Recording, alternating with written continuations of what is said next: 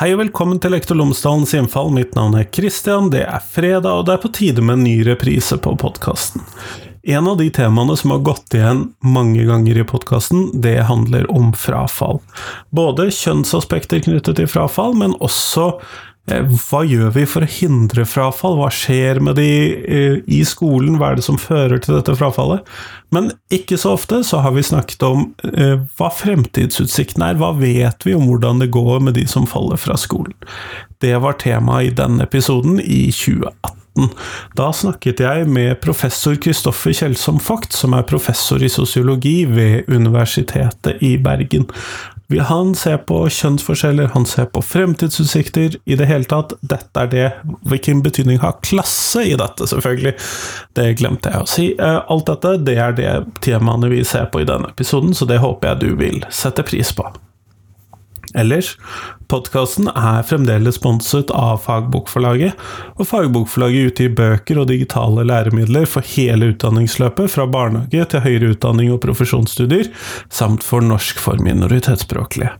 Og en av de spennende titlene som kom ut i fjor, det var boken Profesjonell muntlighet, og den handler om stemmebruk, retorikk, diksjon, og er skrevet for alle som lever av å snakke. Dette er nyttig for nok alle lærere, og mange andre også, men det er ikke sikkert at det er det du er mest interessert i, eller det kanskje er midt i blinken for deg. Uansett så kan du sjekke ut fagbokflagget.no for å finne alle disse digitale læremidlene, bøkene, hjelpemidlene som du finner der på fagbokflagget.no.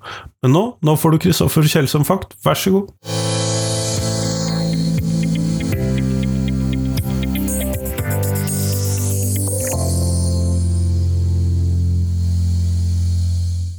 Kristoffer Skjelsom Vogt, velkommen hit til eh, arbeidsplassen min.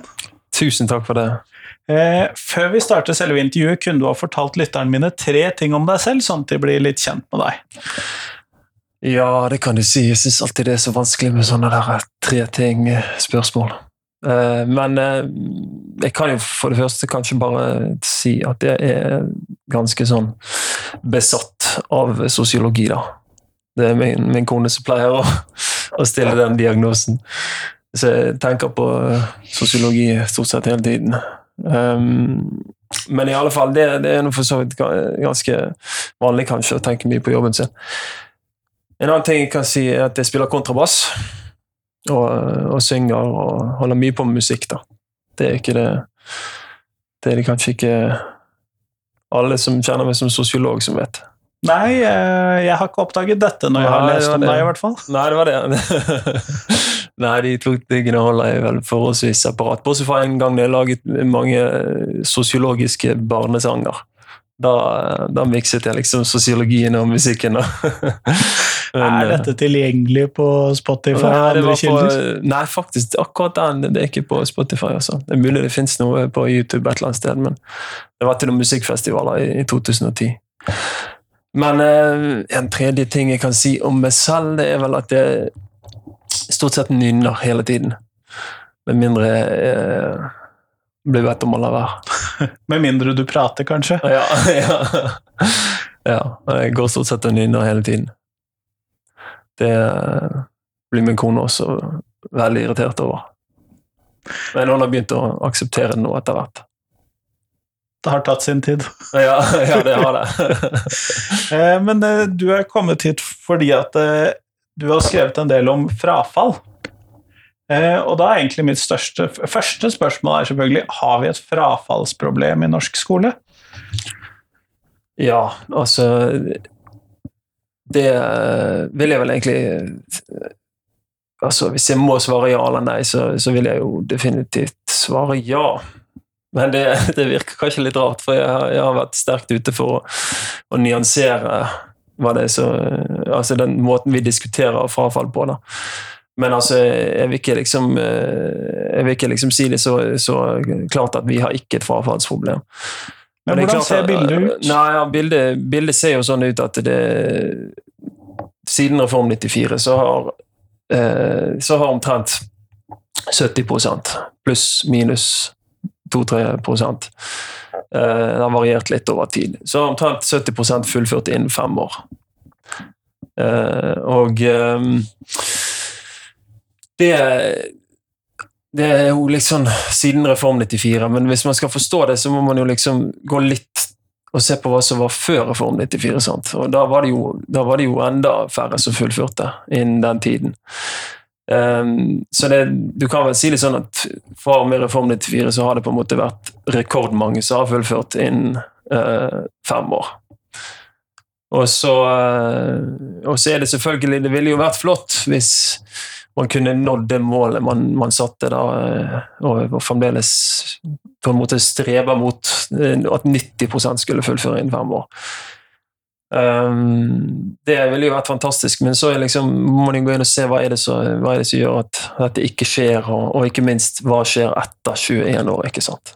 For Det, det som skjer med veldig mange av de her som ikke fullfører innen 21 år, er jo at de, de fullfører seinere. Og, og eh, de aller fleste av de kommer ut i, i jobb. Så det, det, er veldig mye sånn uh, svartmaling da, på det området der. Det er liksom måten man har gradvis begynt å diskutere frafall i videregående, den er liksom kommet helt ut av proporsjoner. Men du, du har snakket med denne 21-årsgrensen som noe særnorsk?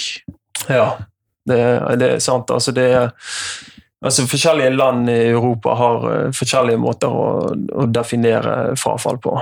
Og, og så har vi, har vi, i tillegg en sånn EU-definisjon. Og De som er mest tålmodige, så vidt jeg kan se, det er danskene.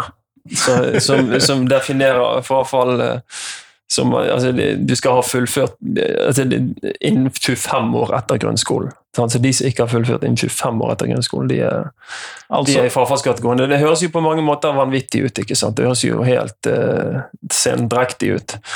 Men så er det saken at det står egentlig ganske godt i forhold til utdanningssystemet de har i Danmark, for de er akkurat sånn som oss verdensledende når det gjelder eh, ut, voksenutdanning. Sånn, så da, da, tar de på en måte høyde for det da, når de måler gjennomføring av videregående, men det er jo ikke vi, da.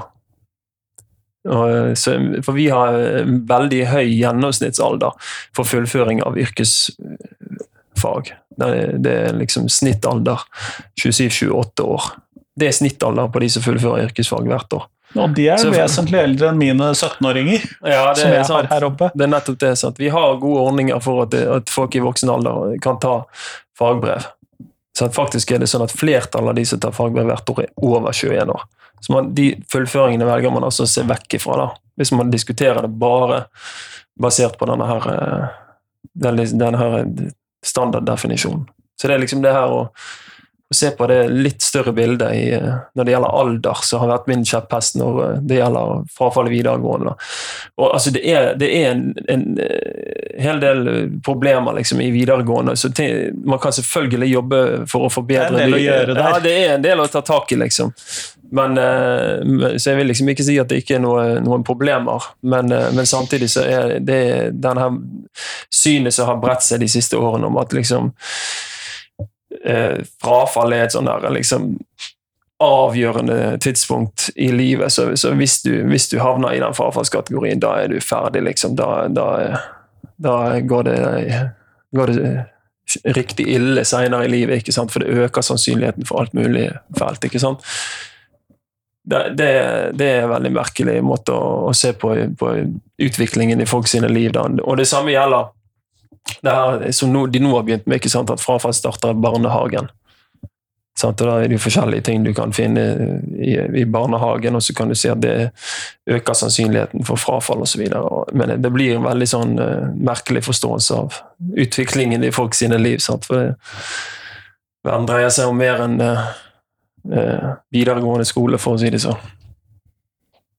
Men du har, hvis vi da ser på disse som faller fra og du sier da at det vel, faller fra i gåseøynene, da, ut ifra den 21-årsgrensen, mm. mm. så sier du det at uh, mange av de som klarer å ta fagbrev, de gjør det etter at de er fylt 21, og vi ser bort ifra de. Mm. Sånn at en del av de vil jo da bare gjøre alle disse tingene bare litt forsinket. Mm. Men hva vet vi mer om de som faller fra, da? Hva, hva vet vi mer om disse? Ja, det er jo interessant. Altså det Vi vet jo at, eh, at et flertall av de kommer seg ut i jobb i, eh, i, forholdsvis stabile sånn yrkesløp. Men det, så er det jo selvfølgelig mange som sliter, og som, som eh, er mye i kontakt med Nav og går inn og ut av forskjellige ytelser der.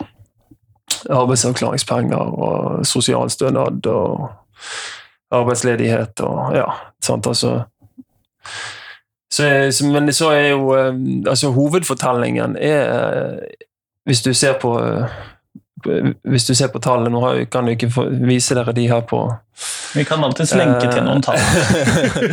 men, eh, men, hovedfortellingen er faktisk at det, det, går bra med de fleste, også i den kategorien. Og det der med at, det der med at liksom, eh, ja, frafall og mange blir ufør ikke sant? Det har jo vært eh, omkvadet, særlig på 2010-tallet. ikke sant? Mange av de i denne kategorien blir ufør. Det er jo heller ikke tilfellet. Altså det, det, dreier seg om 4-5% som blir ufør før de er 30. I fire, altså av de 30% ikke sant. Og da er spørsmålet altså Hvilken rolle spilte frafallet i det at de ble ufør? Og, og, hvilken rolle spiller eventuelt de stabile frafallstallene for, for, den økningen vi har hatt blant unge uføre? Og i de diskusjonene der, der er, der er det jo veldig mye eh, merkelige sånn merkelig resonnering. Eh, og det er da på, veldig preget av at uh, at man ikke ser på, på liksom det med overlevelse blant de med, med psykisk utviklingshemminger uh, og kromosomfeil og sånne alvorlige medisinske tilstander og, og avvik. For det, Saken er nemlig at de siste tiårene så har overlevelsen blant disse gruppene økte. ikke sant? Så en som hadde downs uh, på, på 60-70-tallet, kunne forvente å bli 16 år gammel. ikke sant? Og dermed vil du ikke farge statistikken nevneverdig for f.eks. videregående? da. Nettopp. sant? Da ville, da ville vedkommende ha, ha dødd før, før frafallsstatistikk var aktuelt. Men så, så har man jo klart å redde stadig flere tidlig fødte, og man har også enorm utvikling i medisin ikke sant, de siste tiårene. Og nå er det da sånn En, en som Downs uh, har så vidt jeg har forstått en forventet levealder på 52 år nå. Sånn, det blir mange år som ung ufør. Men så er spørsmålet om man kunne på en eller annen måte ha unngått det ved, ved, ved at denne personen hadde fullført videregående. og det er liksom, ja, Ved en gang man går inn i dette her dette her, eh, disse spørsmålene litt grundigere, så, så, ser man liksom at det, det er fort å tenke at utdanning kan løse alle problemer. da. Men det er ikke gitt at det kan det? Nei, det er absolutt ikke gitt at det kan det. Og det er jo det som jeg syns er veldig interessant med dette i et sånt samfunnsperspektiv. at at denne diskusjonen om frafall er liksom et veldig godt eksempel på nettopp at man tenker at utdanning kan løse alle problemer. Og det, det er liksom en, en tankemodell som kommer helt fra opplysningstiden, kan du si. Sant? En utvidelse av utdanning, det er, det er liksom framskritt. Og det var jo altså På 1800-tallet og langt ut på 1900-tallet så var jo det veldig fornuftig å tenke det, ikke sant. Når folk fikk så lite skolegang som de fikk. og så det dreide seg veldig lenge om utvidelse av, av skolegang. ikke sant? Lese, skrive, regne og Eh, andre, andre, viktige ting de lærte helt basics på skolen. ikke sant? Eh, men så, så, etter hvert i etterkrigstiden så ble det en sånn global push for å utvide høyere utdanning. Så det er jo det veldig mye har dreid seg om nå. Veldig mye utdanningspolitikk har vært innrettet mot. ikke sant? Mer, jo flere, jo bedre som tar høyere utdanning. Sant? Men så er jo da eh, Det er alle mulige spørsmål man kan, man kan stille ved en sånn tankemodell. da. Og spesielt i Norge, hvor vi har egentlig tradisjoner for å ha masse utdanninger på som mellomnivå. Sant, altså. Som er mellom de som har høyere utdanning, og de som uh, ikke har noe utdanning. ikke sant, altså Fagarbeidere. Vi har jo en, en god og solid fagarbeidertradisjoner. ikke sant, så for, Hos oss blir jo det der uh, å tenke at alle skal ha høyere utdanning, det blir jo ekstra uh, villedende, for å si det sånn. Mm. Men når vi ser på disse, da, så hvis vi ser bort ifra de som har alvorlige diagnoser i en eller annen forstand, og så ser vi på de som da vi regner som frafallende, er det noen sånne karakteristika ved disse Kan vi gruppere dem på noen måte? Si at det er noen grupper som ekstra, i større eller mindre grad, faller utenom? Ja, altså det, det du kan si er at um, uh, For det første så, så, er jo de der med de alvorlige diagnosene de er jo også i farfarsstatistikken. Uh, så, så vi, vil, Man kommer ikke vi, kommer utenom. ikke, vi kommer ikke utenom de. Men i alle fall så har de jo selvfølgelig veldig mange andre som, som ikke har sånne, sånne ting å, å bære med seg, men som uh, som gjerne har en, en skolehistorie som er preget av utrolig mye nederlag. Eh, og, eh, og alle mulige andre problemer i livet ikke sant? Så, så kan oppstå eh, alt fra liksom, og Som ikke nødvendigvis vises i statistikken heller, ikke sant? som kan være traumer og misbruk. og og alt mulig sånn, men, eh, men altså, de, de, i de fleste tilfeller så dreier det seg nok om at, eh, at er sånn det du kan kalle for ja, motivasjon, eller som, som skapes gjennom mestring. Da. At det, det er et eller annet som har gått galt der, da. Og, eh, så, og da, da er det jo det er jo der man må gå inn og diskutere hva er det hvordan er det å gå på skolen for de som, som ikke gjør det bra. ikke sant? Det, det synes jeg, Hvis man skal diskutere hva som har forandret seg, så syns jeg det, er litt interessant. Hvordan det, har det forandret seg å gå på skolen for de som ikke, ikke gjør det bra? Eh, altså, etter hvert som skolen har blitt stadig mer prestasjonsfokusert, lenger og lenger ned på trinnene, så er det jo nærliggende å tro at følelsen av nederlag eh, som disse folkene kjenner på, den begynner tidligere, og den eh, er mer intens. Og det spørs hvor, hvor produktivt det er. Men jeg, hvis du ser på altså, hvem som uh, altså hvem som er i, i frafallskategoriene, sånn, så, så er det jo alle mulige ting du kan, kan si om det. Altså, det jo, for det første så det, henger det veldig tett sammen med, med tidligere eh, fravær, selvfølgelig. Sant? Eh, Det kan du se i statistikken, og så kan du se at det henger veldig nært sammen med, med tidligere karakterer. Og, og, men så kan du jo se hva er det som ligger bak karakterer, ikke sant. Og da ser du jo den veldig store Da ser du en effekt av kjønn, ikke sant. Eh, Du ser at gutter får dårlige karakterer, ikke sant. Og det, det bidrar jo til å forklare noe av, av guttene, det at guttene har litt høyere frafall. Men kan, det som er aller mest utslagsgivende for forskjeller i karakterer, det er jo sosial bakgrunn. Altså sosial klasse, om du vil. Det måler man jo eh, kan man måle på eh, masse forskjellige måter, men det, vanligste på dette feltet her er å måle det ved foreldrenes inntekt og utdanning. Og det er det som er det aller mest utslagsgivende for, eh, for både forskjellige karakterer og, og også for, for det med frafall i videregående.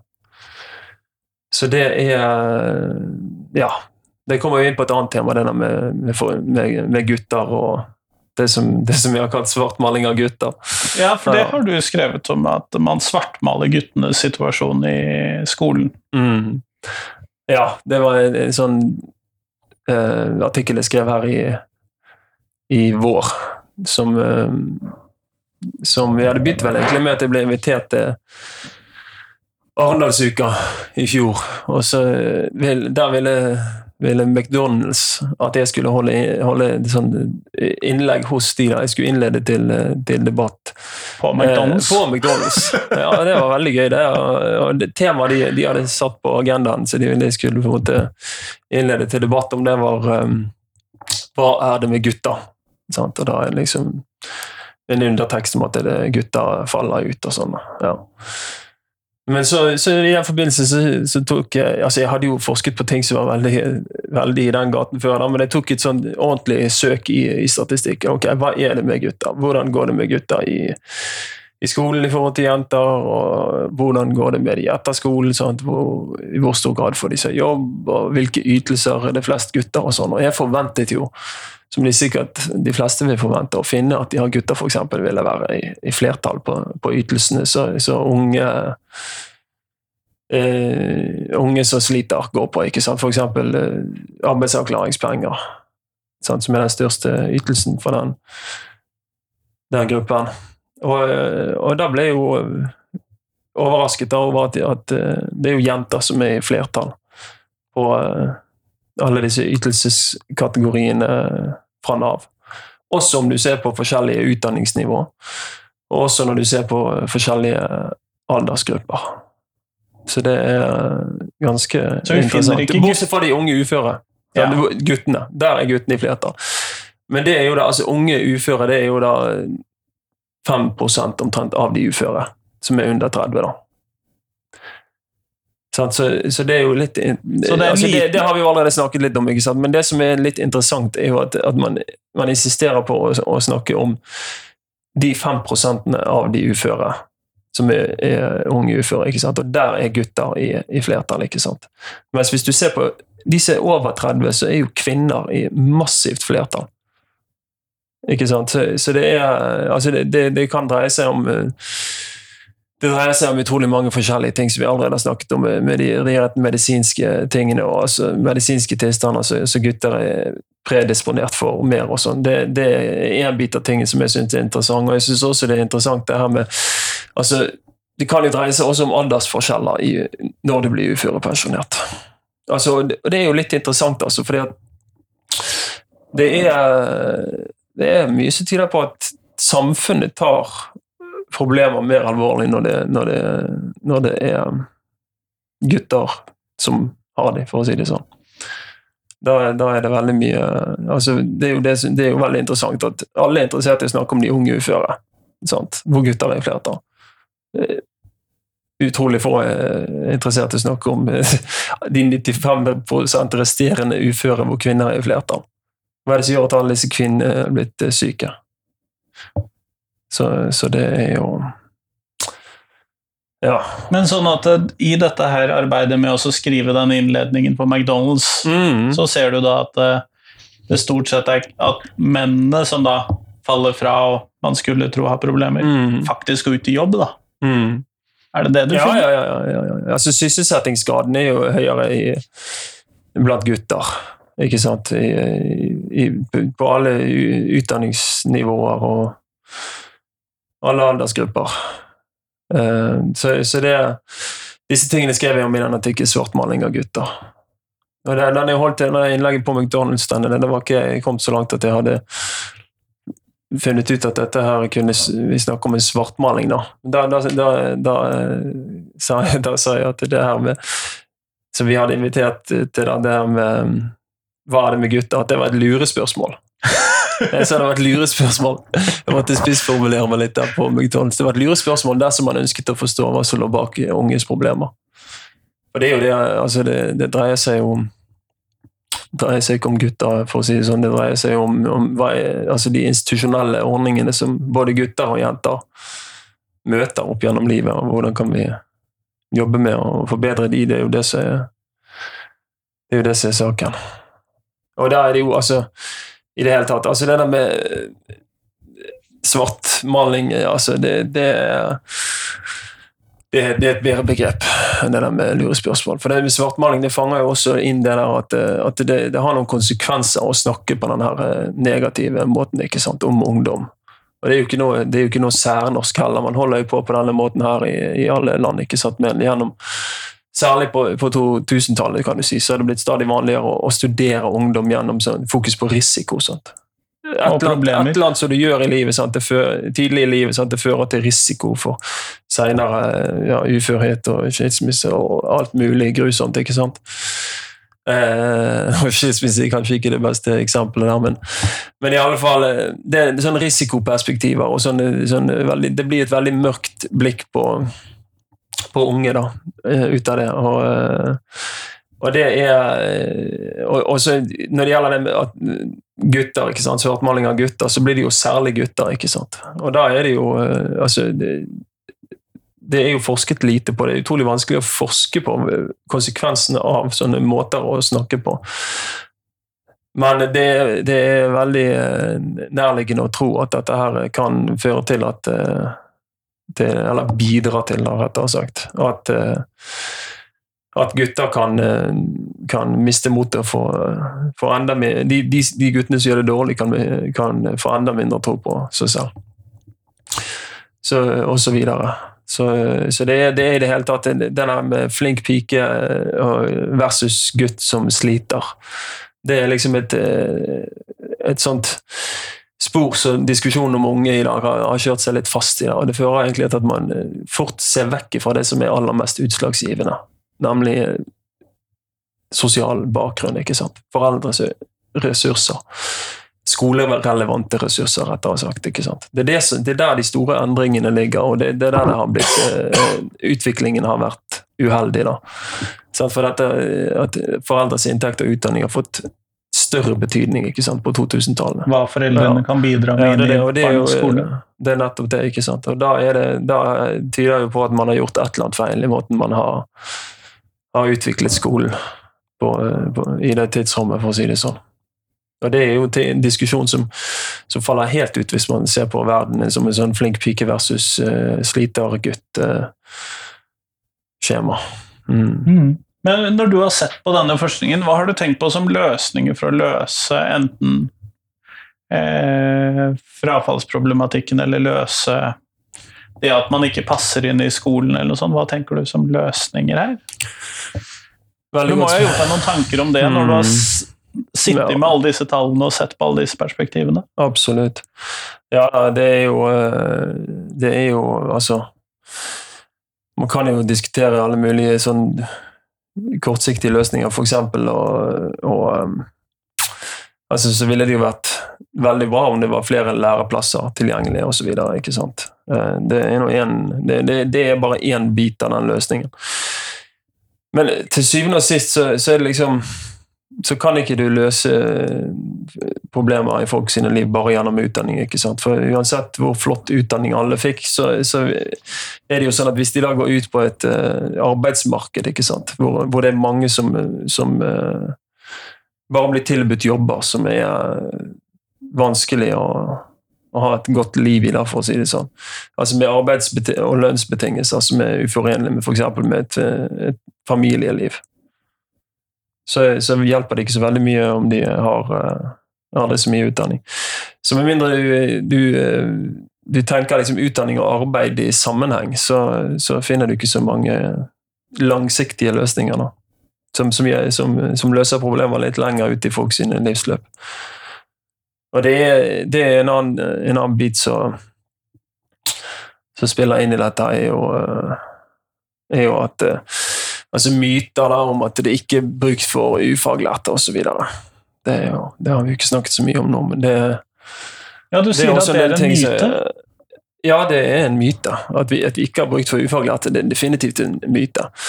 Altså at, at behovet har blitt eh, noe redusert over tid, det er, det er det jo eh, ingen tvil om. Men så er det alle mulige sånn forskyvninger ikke sant, som har skjedd i det samme tidsrommet. ikke sant, Så veldig mange av de som, som før gjorde ufaglærte jobber, de gjør de nå de, veldig mye av de samme jobbene, men med et fagbrev. da.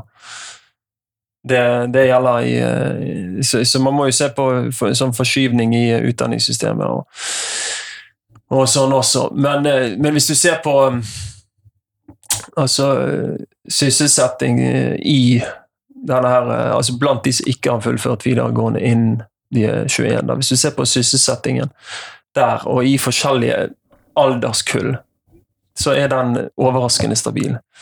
Det kommer, det kommer meg også mine kollegaer Hans Tore Hansen og Thomas Lorentzen til å komme med, med forskning på noe ganske, ganske, snart. Vi jobber med det nå på, på, engelsk, da kan du si. Men vi skal sørge for at det blir gjort kjent i, i Norge når den tid kommer. Men, eh, men, sånn, at det, eh, sånn, at man ser ikke noen nevneverdig nedgang i sysselsettingsgraden nei, for disse menneskene? Nei, overraskende liten. ikke sant? Og, og diskusjonene om de der eh, det der med, med at det, det ikke er bruk for ufaglærte osv., den, er, den er utrolig preget av eh, av sånne store teorier, kan du si. Altså, når det gjelder økonomisk teori, så er det jo humankapitalteori som, som uh, går ut på at folk blir mer produktive uh, jo mer utdanning de får. Da. Det er iallfall sånn det, den, den liksom Humankapital måles da, gjennom uh, utdanning, vanligvis, men det, det, er litt mer komplisert hvis du går inn i det.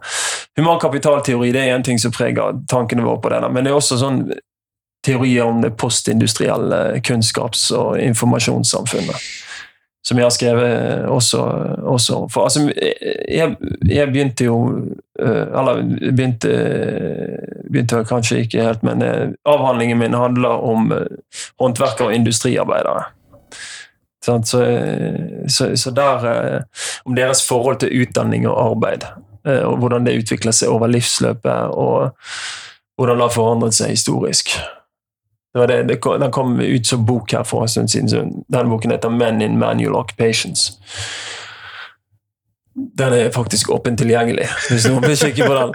Men da skal vi lenke til den. Ja, det var det. Men i alle fall, det, så I den forbindelse satte jeg meg veldig inn i de her teorien om det postindustrielle kunnskapssamfunnet. og sånn, og, og, det er jo det, veldig, det som blir veldig tydelig hvis du, hvis du, går inn i den litteraturen, er jo at uh, definisjonene på på, på, hva det vil si å være i den typen samfunn, kontra sånn som det var før. De er utrolig vage om det i det hele tatt er noen definisjoner. En annen ting som er veldig sånn eh, tvilsomt behandlet i, i, den litteraturen, det er jo spørsmålet om hva er kunnskap. ikke sant? Kunnskapssamfunn. Og det hører vi jo hele tiden nå. Sant? Kunnskapsarbeidere også, og de er jo kunnskapsarbeidere. Men det er en sånn utrolig snever forståelse av kunnskap. Veldig teoretisk ja, kunnskapsforståelse. Hvis du graver litt i de teoriene der, og, og ser hva egentlig de mener med kunnskap, så ser du ganske riktig det de mener teoretisk og uh, kunnskap. da. Så, så det, det, det er jo en sånn uh, altså en sånn forståelse av samfunnet som er så, så snever, altså, og inviterer til å usynliggjøre uh, utrolig mange jobber altså, som fremdeles eksisterer. Men ikke minst usynliggjøre kompetansen til de som utfører de jobbene. Da. Det er liksom en sånn perfekt uh, teoretisk overbygning for å, for å, å, å forherlige folk med mye teoretisk uh, utdanningsbasert kunnskap. da. Jeg er litt usikker på om jeg har blitt veldig mye mer effektiv på jobben min når jeg gikk fra ti år til tolv års utdanning. Nei, det var det. det, var det. Nei da, men det er jo, altså, dette er jo ting som er relevant, ikke bare for uh, altså Ikke bare for de her minst kvalifiserte gruppene på arbeidsmarkedet som jeg har jobbet mest med, men, men det er jo veldig relevant for uh, altså Det er jo en sånn trøkk på det der at folk skal ha mer utdanning i alle sektorer, ikke sant. Og de, de, som har en bachelor, de skal ha en master, og de som har en master, de skal ta en ph.d. osv. Og, og det er jo alle mulige det er Mer og mer og mer utdanning over alle fronter. Så det er, det er en sånn logikk som, som brer seg, om at det, ja, i, i alle mulige sektorer, på alle mulige kvalifikasjonsnivå. Og da er det naturlig nok noen som faller fra. Ja. Når det er fokuset. Det kan du jo for så vidt si, ja. ja. Ja, det kan du jo si. For det er vel ikke alle som passer inn i et system som legges opp til Nei, det er nettopp det. Ja, det, det, det er helt sant. Altså, det, det blir en sånn um, sløsing av kunnskap i det også, ikke sant. For eh, gjennom at du, du, du nedvurderer uh, den kunnskapen som ikke er sånn formalisert så, eh, så, liksom, så, er det fort at du tilsidesetter folk som, som, vel, som, som er fullt eh, kapable til å gjøre en, en innsats. Men når, når, alt seleksjonen blir basert på formell utdanning, så, så faller, de, faller, de, ut. Eller de havner nederst i bunken, for å si det sånn. Så det er jo sekretærjobber som folk lenge gjorde med videregående nivå. ikke sant? Det, de skal du jo nå ha master for å gjøre. sant? Det, det, blir det de kaller employer screening. Det er blitt veldig vanlig. sant? Arbeidsgiver bare sorterer bunken. Og ut med alle de som ikke har master, sant? for de gjør det enkelt for seg selv. Og sånn. Og det har jo faktisk NHO eh, vært ute og advart mot også, at det, det blir eh, for, for, veldig fort negative konsekvenser. På individnivå, men også på sånn aggregert nivå. da for, for, samfunnet. rett og slett. Det blir veldig mye, mye sånn kompetanse man ikke får utnyttet, hvis man bare fokuserer for mye på det.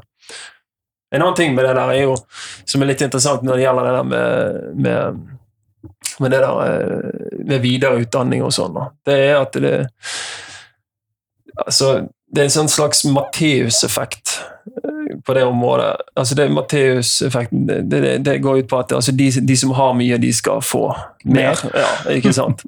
Og da er det liksom, hvis, hvis du kommer inn et eller annet sted med en, eh, med en bachelor eller master, så skal du ikke bli veldig overrasket hvis eh, hvis eh, arbeidsgiveren vil finansiere en videreutdanning og et lederkurs. og det, det, skjer hele tiden. ikke sant? Men altså den villigheten som arbeidsgivere viser til å investere i arbeidstakerne sine, den, den synker jo, jo, lenger ned du kommer. da.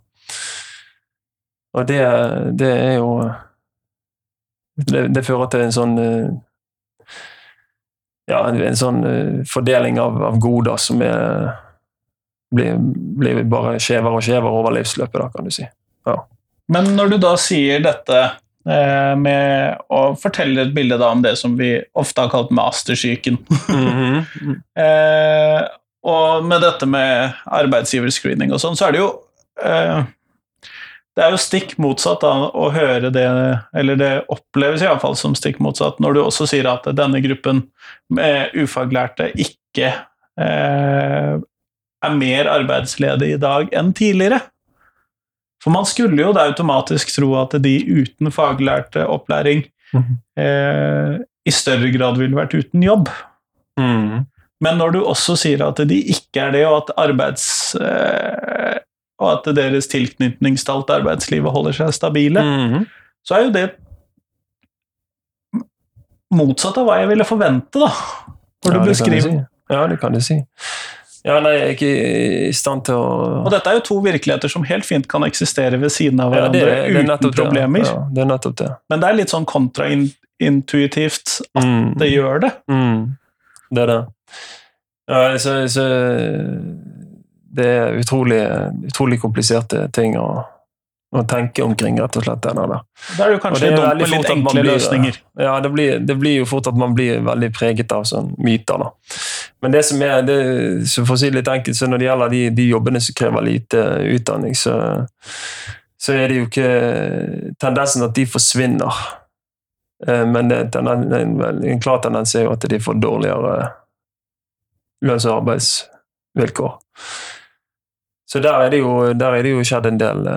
Eh, men, men, der har de jo igjen det der at eh, den der måten å, snakke om disse jobbene som unødvendige og på utryddelsens rand ikke sant? Det, det, og, og, og, snakke om de folkene som gjør de som kunnskapsløse.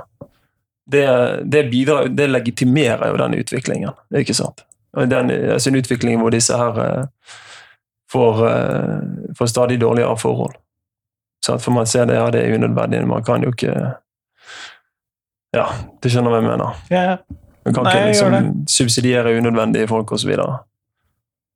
så det, det, henger, det henger sammen, disse tingene. Mm. Men nå går vi mot slutten av podkasten min, mm -hmm. og da har jeg et fast spørsmål som jeg stiller til alle de jeg intervjuer.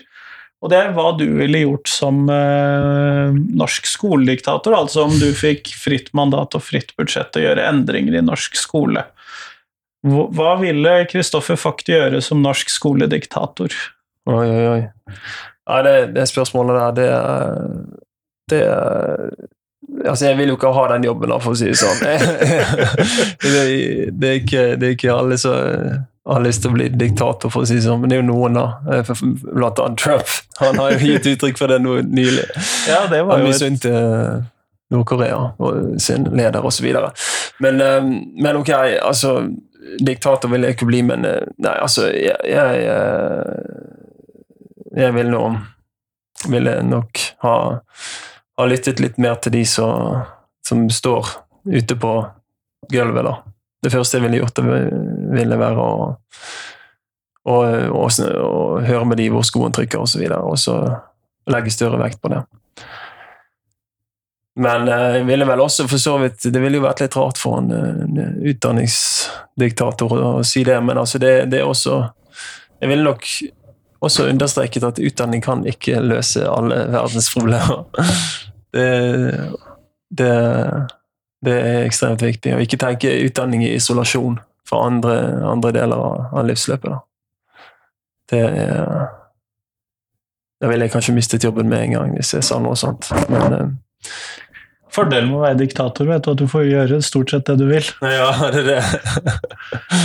det er det. Nei, men Kjempeflott. Tusen takk for at du kom og pratet med meg. Veldig hyggelig. Ja.